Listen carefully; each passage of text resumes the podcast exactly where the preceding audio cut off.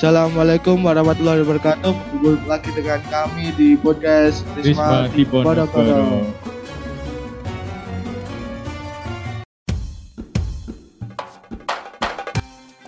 Masih bersama saya Very Chill. Dan saya Fayat. Ya, kali ini kita kedatangan tamu spesial, sangat-sangat spesial. Tamu istimewa tentunya ya Mas Ferry ya. Ya, ini adalah sang pelopor, sang apa ya? Bapak dari organisasi ya. Kita. Iya, i. Perkenalkan, Perkenalan diri mau tak perkenalkan atau perkenalan dulu? Oh, Monggo, monggo. Saya perkenalkan ya. Namanya Mas Muhammad Ardian. Lahir di Yogyakarta. Sudah mempunyai dua anak. Satu istri. Enggak nambah, Mas. Jangan jangan kebalik ya. kebalik. Yuk, lanjut aja, Mas. Mas. Oke. Apa ya? Gimana? Mau tanya? Kan kalau podcast Iya. kan bintang tamu ditanya, Yo, bukan siap. ditanya. Anu Mas, mau bertanya pengalaman di organisasi Mas Yan. organisasi Risma ya, Mas. Ya, Ya. Dari zamannya dari Mas zamannya Rian Mas Yan ya. hingga membimbing kami. Ya, oh. Itu gimana, Mas? Gimana Mas? Oke. Perkembangannya. Ya, pengalamannya juga. Siap. Assalamualaikum warahmatullahi wabarakatuh. Waalaikumsalam warahmatullahi wabarakatuh. Alhamdulillah. Terima kasih kepada Mas Ferry sama Mas Fayat sudah mengundang eh, saya di podcast eh, Risma ya, Risma Iya. Padi. Baik. Sebelumnya kalau bercerita tentang pengalaman masuk organisasi Risma ini panjang. Nah, jadi akan saya persingkat saja. Eh, dulu ceritanya itu ketika Mas Wian itu masuk ke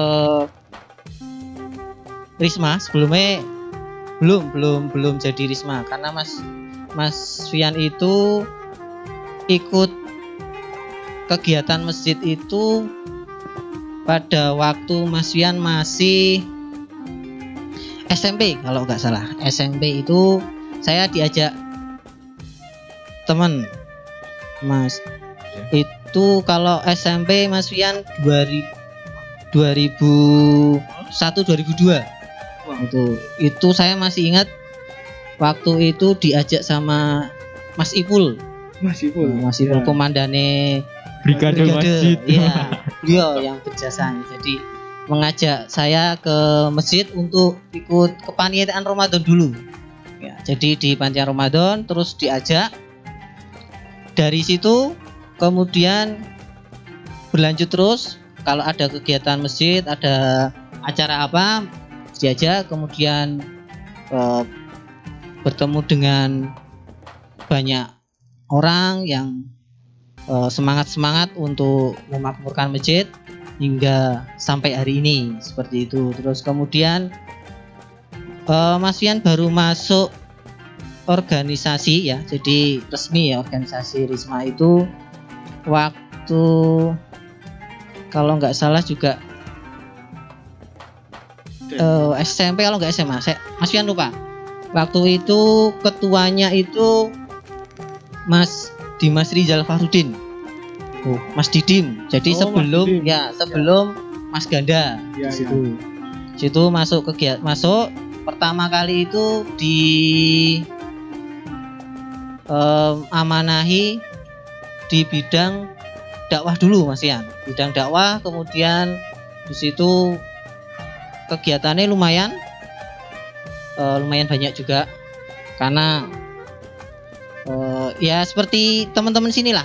Banyak teman banyak eh, orang-orang yang semangat untuk melakukan masjid. Jadi ketika ingin bergerak bareng-bareng itu eh, jadi lebih semangat. Seperti itu walaupun sebenarnya eh, Mas Yan itu kalau eh, ke masjid itu juga sudah sejak kecil ya karena mainnya di masjid juga itu kayak Oh, di masjid main, Mas. ya sholat juga Oh. gitu Nanti dimarahin Bapak Firman tuh. gitu ya terus ya ya perjalanan waktu tidak hanya di organisasi Risma kemudian juga eh, dimintai tolong untuk ngajar TPA di TPA ini juga akhirnya ketemu kalian-kalian Nah, Masih kecil-kecil ya Mas. ya, masih kecil-kecil Si unyu-unyu. saya masih ingat itu siapa ya Krishna itu Mas. Krishna Krishna Ferry terus sama Adi Damardo udah Di- kalau Nakal itu Mas.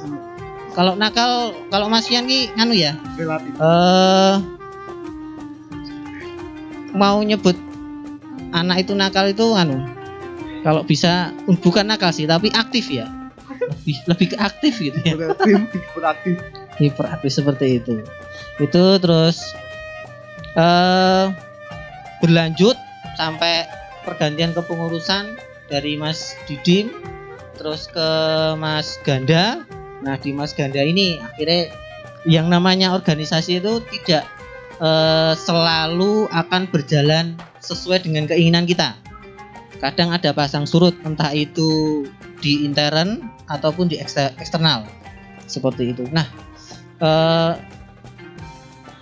ya kodarullah ketika organisasi di bawah kepengurusan Mas Ganda kemudian ada Mbak Lia juga terus dulu itu ada eh seangkatan Mas Wian juga ada Mas Wian terus ada. Mas Dendi ada Mbak Meni terus beberapa seangkatan Mas Wian itu eh awal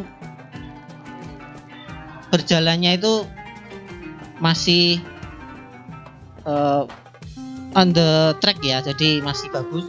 Terus akhirnya memang karena ya itu tadi tidak semua perjalanan sebuah organisasi itu akan berjalan mulus akan ada waktunya itu eh, kita di terpa eh, beberapa istilahnya apa ya badai lah istilahnya badai. entah itu dari intern atau entah eksternal atau mungkin kegiatan yang terlalu monoton dan lain sebagainya akhirnya ya eh, banyak teman-teman yang dulu kita rangkul yang mungkin seangkatan dulu itu ada angkatannya Mbak Justin. Mbak itu terus ada angkatannya dulu itu bawahnya lagi tuh Mbak Andra yang salah. Mbak Andra dan teman-temannya Mas Denny. Itu akhirnya karena ya akhir em, jadi seperti ini seleksi alam jadinya. Yang jadi kuat yang ya. memang eh, Bener-bener dia ingin- itu hatinya benar-benar terpaut di masjid terus benar-benar eh, pengen memakmurkan masjid Ya. itu yang bertahan. Ataupun juga karena memang eh, masih punya kesempatan ya diberi kesempatan waktu dan tenaga akhirnya masih bisa untuk eh, berada di masjid. Karena waktu eh, kalau Mas Ian bilang angkatan Mas Ian ya itu sebenarnya banyak tapi akhirnya ya tadi seleksi alam. Ada yang dapat pekerjaan di luar kota terus akhirnya eh, tidak bisa menyempatkan untuk berkegiatan di masjid apalagi di Risma. Ada yang masih di- masih tinggal di Tegarjo tapi karena kesibukan di luar terus akhirnya jadi jarang kelihatan kegiatan masjid. Walaupun masih masih sholat berjamaah di masjid. Seperti itu ya seperti itu terus akhirnya tiba di titik titik eh harus adanya Ris- ah, ya, regenerasi. ri- harus ada regenerasi Risma itu di titik kita itu kekurangan personil. personal eh, personil jadi Sumber daya. kekurangan untuk sumber daya sumber daya maksudnya untuk regenerasi untuk kaderisasi seperti itu dan waktu itu juga banyak eh, beberapa dari intern juga itu mengundurkan diri satu persatu dengan alasan pribadi ataupun memang tidak bisa maksimal seperti itu. Tapi tidak tidak masalah karena eh, itu pilihan ya pilihan pilihan masing-masing. Ya alhamdulillah di masjid kita itu masih ada senior senior yang masih membackup ya seperti Mas Fauzan, Mbak Ita, terus ada Mas Triono dan beberapa memang eh, sesepuh-sesepuh lah senior-senior di atasnya Mas Fian yang masih support eh, masih menanyakan eh, bagaimana kabar Risma terus piye kaderisasi nih piye eh arep dipiekne rismane sesuk seperti itu. Terus akhirnya pada waktu itu kan Mas Fian di periode itu diamanahi di kaderisasi. Hmm. Itu sebuah amanah yang kalau Mas Fian bilang itu berat karena Good.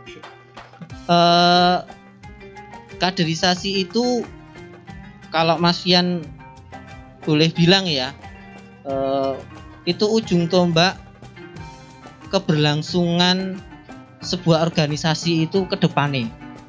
Ketika kaderisasi itu berjalan dengan baik, insya Allah itu ke depannya organisasi itu akan eh, tetap berjalan. Seperti itu. Makanya Mas Fian bingung Eh, kalau Mas Fian memaksakan mengajak seangkatan dulu Mas Denny ya Denny Kurniawan. RT berapa RT RT 12 itu sepertinya Oh, tahu, tahu. sepertinya sulit karena sudah ada maksudnya mereka angkatan mereka sudah ada kegiatan sendiri di luar dan eh, kalau di kita minta untuk bergabung akan menguras tenaga yang banyak. Terus kemudian angkatannya Mbak Justin juga sebenarnya masih ada beberapa yang bisa bisa kita minta tolong karena Mbak Justin itu di periode Mas Ganda itu jadi sekretaris dan masih aktif seperti. Tapi kita butuh banyak sumber Daya manusia. ya banyak orang lagi untuk bisa paling tidak menggerakkan kegiatan Risma seperti itu. Eh, terus akhirnya s- Mas Wian ngobrol dengan Mas Fauzan, terus kemudian ada Mas Ganda sebagai ketua Risma periode waktu itu. Akhirnya mencoba coba eh, kita potong generasi seperti itu kita potong generasi sekiranya ada tidak lulusan eh, santri TPA yang untuk bisa kita kader cari cari cari cari cari cari terus akhirnya ketemu satu gerombolan generasi yang sepertinya kalau Mas Ian bilang ini iso dicekel iki gerombolan Cuman anak memang muda rada kan. angel. Iya. Angin. Apalagi khusus untuk si putra. Tapi masih bisa di masih bisa di pelan-pelan ya mas Mungkin karena eh, Mas Sian merasa Mas Sian punya histori dengan mereka. Seperti itu. Dan kalau nak yo apa yo eh kasarannya iki nak Mas Sian ngomong sih dirungokne. Nah, seperti itu. Terus akhirnya eh kita di Mas Fauzan, Mas Ganda terus akhirnya ya wes dicoba eh generasi itu coba dirangkul Vian. Terus didekati. Walaupun memang PDKT mas. ya susah ya. Mereka Mas Ian harus mencari satu persatu. Mas mas mohon maaf memotong. Ya, dipotong monggo. Itu cara cara apa ya? Cara memotivasi atau metode apa yang bisa Mas Wian Berikan. lakukan bi- biar bisa merangkul untuk semua. Hmm, itu. Oh, iya. Itu itu juga itu salah satu kunci sih mas buat eh, Risma buat mengkader yang bawah dan siapa tahu teman-teman. Hmm. saya yang menjadi di bagian kaderisasi biar termotivasi dari cerita dari mas Mas Fian. Baik, sebenarnya eh, cara untuk memotivasi ya, terus mengajak itu eh, gampang-gampang angel istilahnya. Dan di tiap generasi itu akan eh, berbeda metode. Tapi pada dasarnya saya pernah dengar kalau tidak salah dari Mas Ozan atau dari siapa eh, ketika metode mengajak orang itu sebenarnya eh, mudah karena ini dilihat dari kebutuhan mendasar manusia itu sendiri. Nah, kebutuhan mendasar manusia itu apa? Sandang, pangan, papan. Seperti itu. Nah, eh, kemudian Mas Fian terus ora, wah nak sandang eh, berat. Masa aku nukok reklam. Iya, Enggak oke. mungkin. Terus sandang, terus papan. Wah, papan ya ora mungkin. Kayak Masa mereka sudah punya sudah punya tempat tinggal. Pangan, wah ini pangan dan biasa nih Hmm. biasa nih cah enom Nah, gitu. biasanya nih cah enom kui nak dijak gawean nak langsung di kongkon gawean ora arep mangkat terus carane piye ono konsumsi nih. iya kudu eneng konsumsi nih itu. seperti itu itu dulu ya metode dulu seperti itu terus akhirnya apa Mas Ian eh, ngambil metode yang itu Mas Ian ajak eh, dulu tuh siapa tuh Hanif dulu pak ya Hanif apa Krishna Mas paling. Hanif apa Krishna pak ya Kita Krishna. Krishna ya Mungkin saya beling dewe sekolah kat Beni Krishna. Krishna. Iya, Mas Ian kan terus ngelis asa angkatan kalian. Mas Iya. Ian ngelis angkatan kalian, terus kira-kira orang-orang apa eh, dari angkatan kalian sing suarane dirungokne iki sapa? Terus akhirnya Mas Ian ngambil keputusan si Krishna. Krishna, Krishna. Si Krishna. Krishna terus ternyata sama saja. Karena Apa itu? oh, seangkatan kalian tuh kayak gini. Dulu itu eh alasannya itu nah si kira mangkat, si A nggak berangkat, si B ra gelem mangkat. Ya. Nak Mas Ian nembusi si B, si A. mangkat, si A mesti mangkat. Terus akhirnya eh Mas Ian di apa ya buat kesimpulan ya lah sing iso Mas Ian eh, jak Mas Ian jak sike engko sidik-sidik mesti eh, akan ada hasilnya seperti itu. Terus akhirnya satu persatu walaupun modelnya eh, bergantian ya ketika Mas Ian kumpulkan kadang eh, Krishna Ferry Fayat teko engko Hanif Juni ra teko Damar ra teko seperti itu. atau mungkin yang sebagian berangkat sebagian nggak berangkat Hmm. tapi eh, karena Mas Ian berangkat dari ingin mengajak teman-teman itu merasakan kebahagiaan yang Mas Ian rasa di masjid maka Mas Ian tetap mencoba terus sampai eh, akhirnya teman-teman bisa kumpulkan eh, dibantu dengan Mbak Ita juga karena Mas Ian tidak mungkin merangkul yang putri juga. Seperti itu. Kalau yang Trisma Hamas Putri yang dulu lebih mudah sebenarnya diajak. Itu terus puncaknya yaitu waktu muktamar Hamas ya. Muktamar ya. Hamas. Walaupun sebelumnya Mas ada kegiatan ya berapa kali kegiatan Hamas yang eh, dulu itu Mas Ian gini untuk mengajak teman-teman Mas Ian tidak akan ti- ya, eh, tidak memaksakan teman-teman itu ikut apa yang Mas Fian mau. Mungkin di di, di masjid ya tapi Mas Fian akan mencoba mendengarkan kalian. Apa sih yang kalian inginkan dari teman-teman itu biar kalian itu nyaman di masjid? Makanya dulu kan teman-teman pengen kaos. Nah Mas Iya. Fian buatkan kaos. Teman-teman pengen kegiatan ini Mas Fian eh, minta ke Mas Ganda sebagai ketua Risma yang dulu. Jadi mungkin perlu digaris bawah ya sebenarnya eh, yang menjadikan teman-teman itu akhirnya bisa dekat di mes- di masjid itu bukan Mas Fian saja yang eh, punya andil ya tapi juga ada Mas Ganda Mas Fauzan dan senior-senior yang memang membackup Mas Fian jadi Mas Fian tetap merasa oh Mas Fian tidak berjalan sendiri. Tapi ada orang-orang yang akan selalu support Mas Fian seperti itu. Jadi bagi teman-teman Risma yang di sini dulu kan Mas Fian eh, pernah bilang ya kalian itu kalau Mas Fian bilang itu generasi yang eh, bisa dibilang generasi dari beberapa generasi Risma yang Mas Fian lihat itu Banyak potensi. iya banyak potensi generasi yang Milenial.